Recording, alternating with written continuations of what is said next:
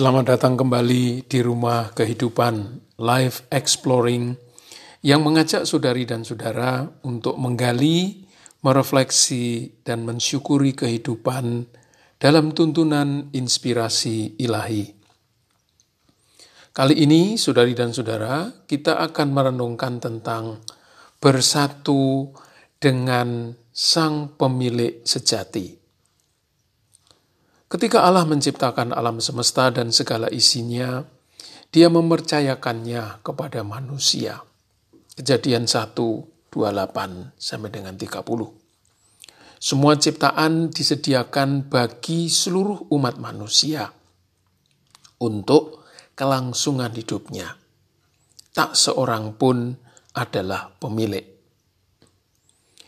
Pertanyaannya, mengapa kemudian orang mengklaim sesuatu sebagai miliknya. Mengapa membangun pagar di sekitar rumah atau propertinya? Alasan positifnya untuk menandai batas miliknya. Alasan negatifnya supaya hartanya tidak dicuri orang. Alasan kedua ini menunjukkan rasa takut atau khawatir. Kekhawatiran itu manifestasi dari keterbatasan. Rasa khawatir itu hanya datang dari pribadi yang secara semu menguasai. Hanya pemilik palsu yang bisa kehilangan. Baginya segala yang hilang atau lepas dari tangannya menyedihkan karena lupa bahwa dia hanyalah pengelola. Pemilik sejati atas segala sesuatu, Sang Pencipta, tidak pernah khawatir kehilangan. Segala sesuatu yang ada berada dalam genggaman tangan dan kuasanya. Dia dapat memberikan apa saja, kapan saja, dan kepada siapa saja, tanpa khawatir akan berkekurangan atau kehilangan. Bahkan sebaliknya, sebagai kasih, dia ada untuk yang lain, bukan untuk dirinya sendiri. Itulah ada yang sejati.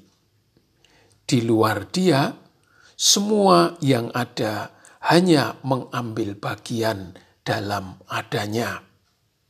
Relatif, nisbi, bisa ada, bisa tidak ada itulah manusia.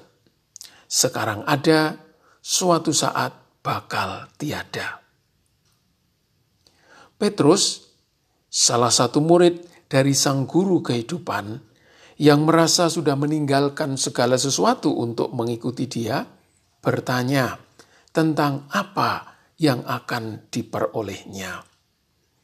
Sang guru menjawab, dan setiap orang yang demi namaku meninggalkan rumahnya, saudara-saudarinya, bapak atau ibunya, anak-anak atau ladangnya, akan menerima kembali seratus kali lipat dan akan memperoleh hidup yang kekal.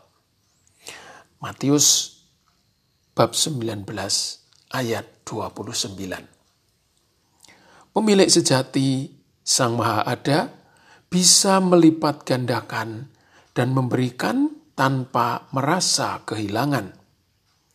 Berbeda dari manusia yang karena berkuasa dan memiliki banyak harta, kemudian merasa diri sebagai pemilik sejati. Lupa, lalu bertindak seakan-akan dia itu Tuhan. Manusia kadang menyombongkan diri atas kepandaiannya. Misalnya, kemampuan berdagangnya yang menghasilkan kekayaan yang luar biasa banyak. Ada yang mulai sombong dan merasa sebagai pemilik atas semua yang diperolehnya. Ternyata akhirnya dia mati, terlepas dari semua yang dimiliki. Ketika manusia mati alias tiada, semua hartanya pun tak dapat menyelamatkan dirinya. kekayaan itu relatif dan sementara. Tidak dapat sungguh diandalkan untuk menyelamatkan. Orang yang hanya mengandalkan dan terlekat pada kekayaan, sukar masuk ke dalam kerajaan surga. Matius 19 ayat 23. Bukan karena dia kaya, tetapi karena sikapnya terhadap kekayaan. Pertama, dia bisa jadi sombong karena kaya. Kedua, merasa diri sebagai pemilik atas hartanya. Ketiga, menganggap bahwa harta bisa menyelamatkan hidupnya. Saudari dan saudara, ajaran keras yang berbunyi sukar sekali bagi orang kaya untuk masuk ke dalam kerajaan surga bukan paham anti kekayaan atau larangan orang untuk menjadi kaya.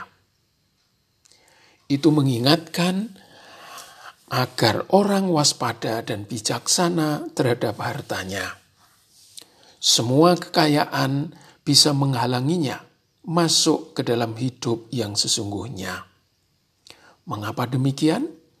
Karena bisa membuat si pemilik palsu itu lekat padanya.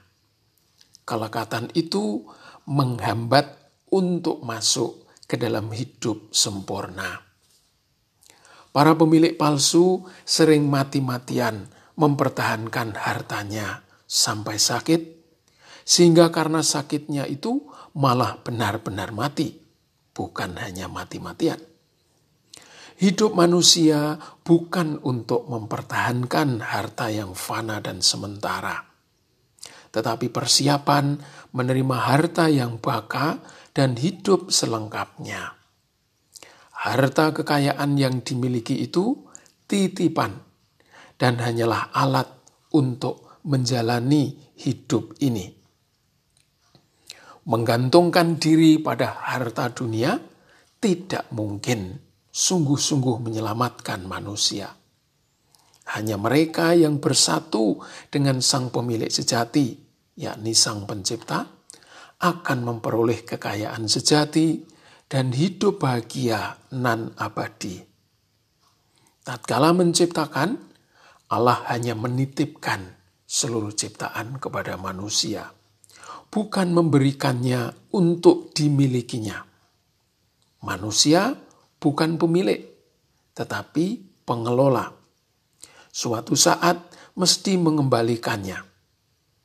Ketika secara ikhlas mengembalikan, dia tidak kehilangan melainkan dibebaskan dan menemukan, karena kembali bersatu dengan Sang Pemilik sejati. Saudari dan saudara, marilah kita mengusahakan dan menikmati hidup bahagia dengan mengasihi Allah, diri sendiri, dan sesama. Tuhan memberkati.